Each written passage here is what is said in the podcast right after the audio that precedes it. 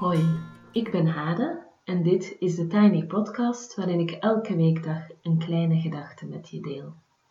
Vandaag is het 20 mei 2021 en de kleine gedachte gaat over een dag uit het leven en deze keer van Agnette van Lingen. Wat ik ontzettend bijzonder vind aan deze dag is dat het live is opgenomen. Het is geen terugblik, geen gepolijst verhaal. En er is natuurlijk helemaal niks mis met terugblikken en gepolijste verhalen. Maar ik vind het heel leuk dat Agnette verschillende opnames heeft gemaakt doorheen haar dag. Dus we gaan echt mee in haar momenten, in de sfeer van het moment, in de energie. We bewegen mee doorheen haar dag. Ik merk zelf dat het me veel rust brengt, waarschijnlijk door het beschouwende van Agnette, de manier waarop ze naar de dingen kijkt. En ik weet echt niet meer hoe ik precies Agnette heb leren kennen, maar wel dat ik met haar reflectieve dialogen heb gevoerd, uh, die voor mij heel voedend uh, waren. Agnette is een hele wijze luisteraar en luistert niet alleen, maar koppelt ook heel wijs dingen terug. Agnette is kunstenaar, uh, beeldhouwer en ik zet haar gegevens in de show notes met de warme uitnodiging of aanbeveling een kijkje te gaan nemen. Uh, op haar website of op haar, in, op, of op haar sorry, Instagram pagina.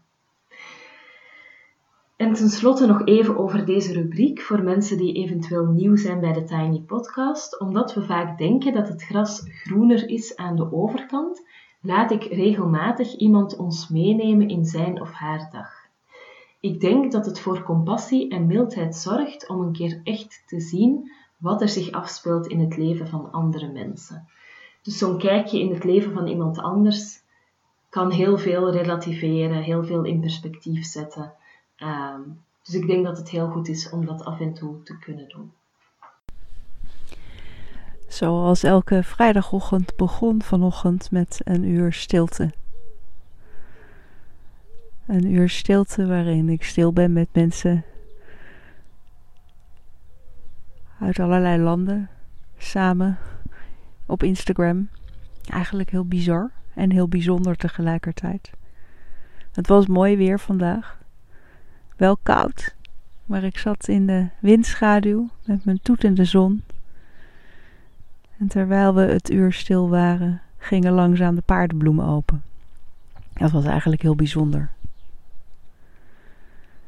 De vogeltjes zongen met ons mee. En ik neem dit stukje op op de plek waar ik was met de vogeltjes. Dus misschien kun je ze nog een klein beetje horen. De duiven in ieder geval. Na het uur stilte heb ik even ontbeten. En nu ben ik de buitenpotstal van de schaapjes aan het schoonmaken. Dat is een klein schuilstalletje waar de schapen terecht kunnen als het uh, ze te hard waait of te nat is.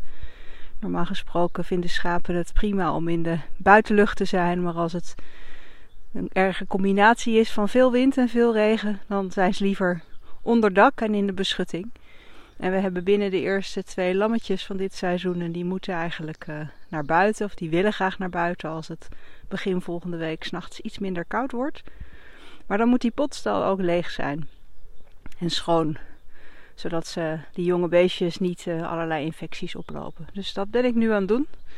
En dat betekent vooral heel veel heen en weer lopen met kruiwagens, mest en stro.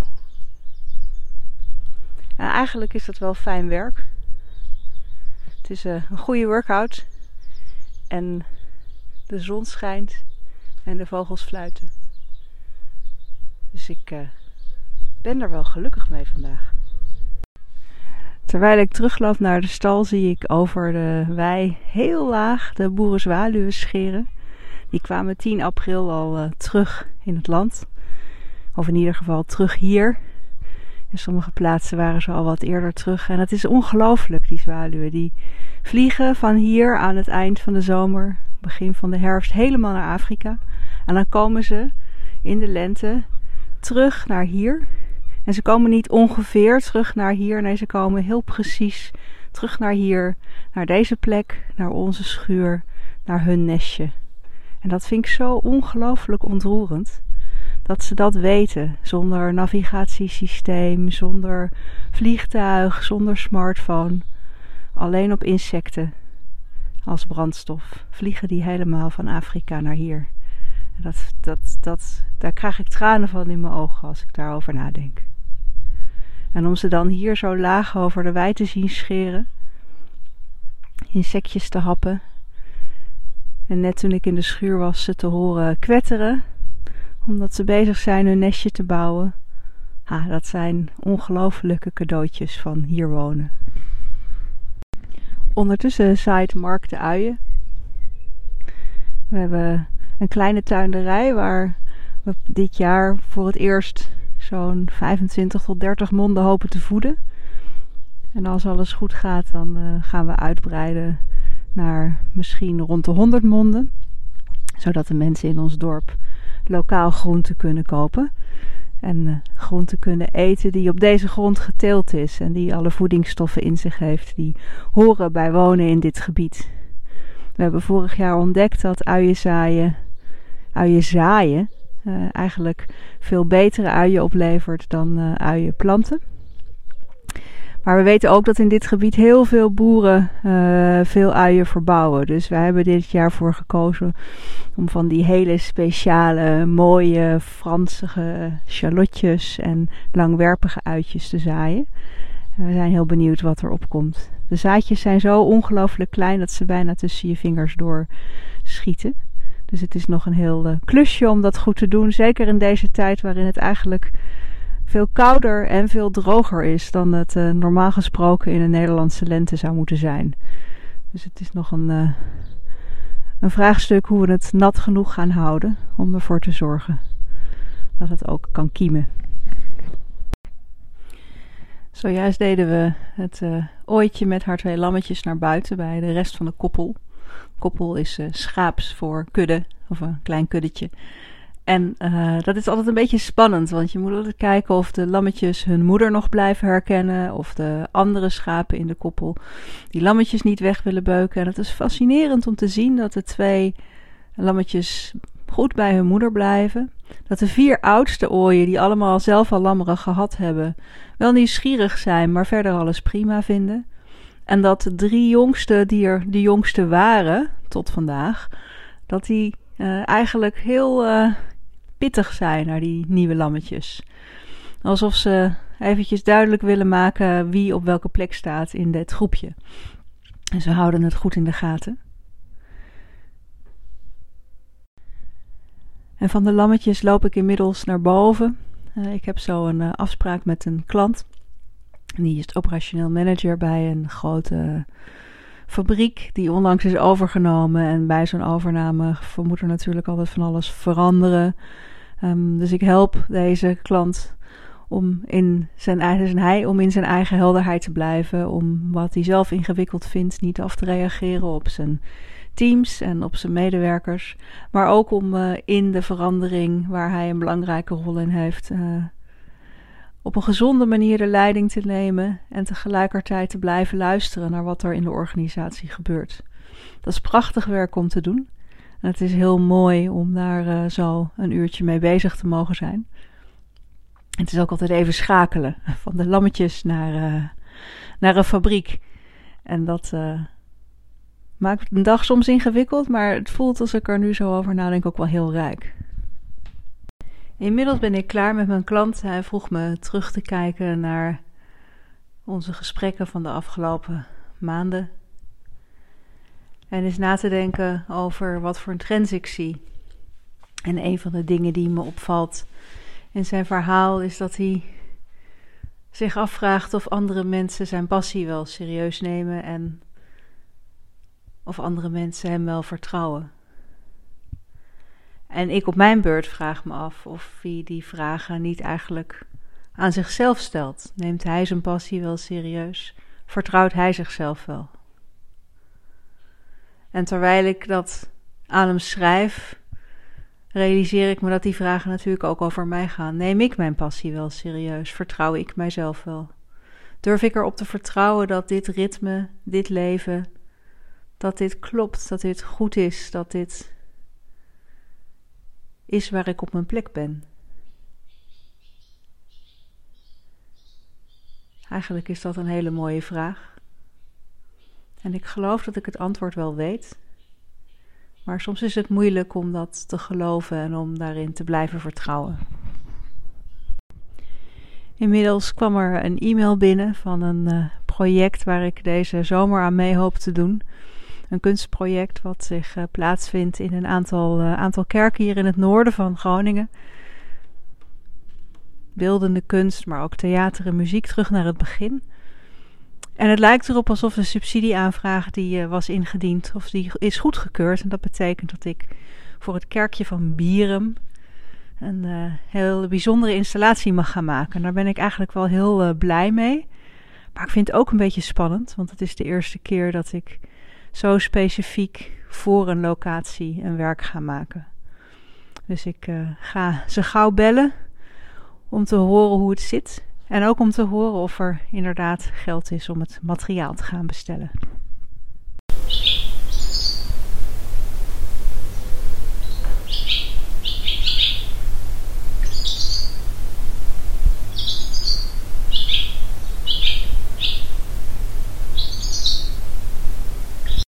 Dat zijn de zwaluwen in onze schuur.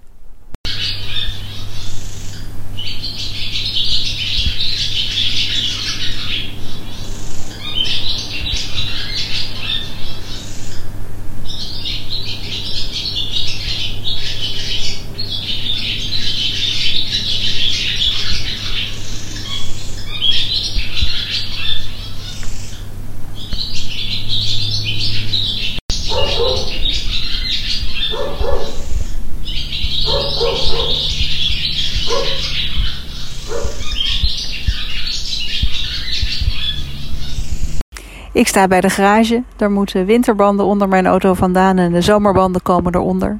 Dus ik sta tussen pruttelende motoren met een doenk-doenk muziekje op de achtergrond. En ondertussen lees ik mijn Instagram. Niet zo heel erg uh, verheven, heel prozaïs. Dat is ook nodig soms. Ondertussen is het de potstal leeg. En heb ik de stal opnieuw gevuld buiten met verse stro. Zodat uh, mama schaap en haar twee lammetjes vanavond uit de wind een beetje beschut in het stro kunnen liggen. Of ze dat gaan doen, weet ik natuurlijk niet. Maar in ieder geval hebben we dan de mogelijkheid voor ze gemaakt. Want het wordt best wel koud. Maar ze was binnen zo ongelukkig dat het eigenlijk niet goed was om haar binnen te laten staan. Ze wilde graag bij haar vriendinnetjes zijn in de wei. En dat begrijp ik wel. Zo, de schaapjes hebben eten. En ik loop terug naar huis om ook uh, voor onszelf even iets te eten te maken. Helaas is de, de gast die vanavond zou komen, of die vanochtend zou komen, vanavond zou mee eten. Komt hij niet, want corona en zo.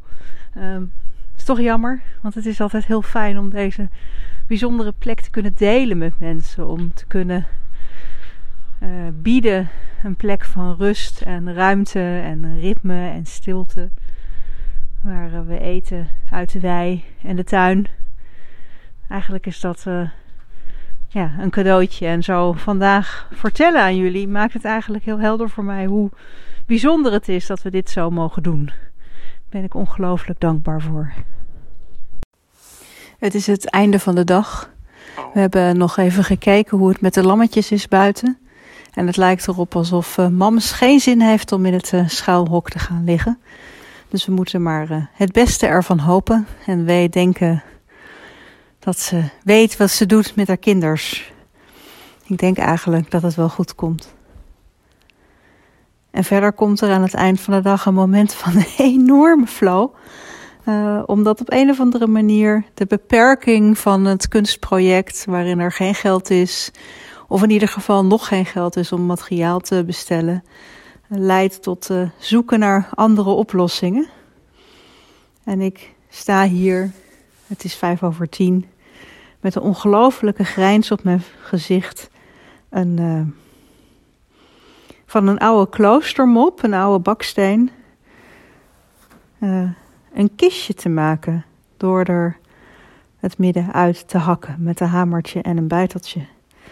En ik stel me voor dat ik dan honderd van die kloostermoppen ergens in een kerk op een vloer mag leggen, als kistjes waar je iets in achter kunt laten. En die gedachte, die maakt me ongelooflijk blij.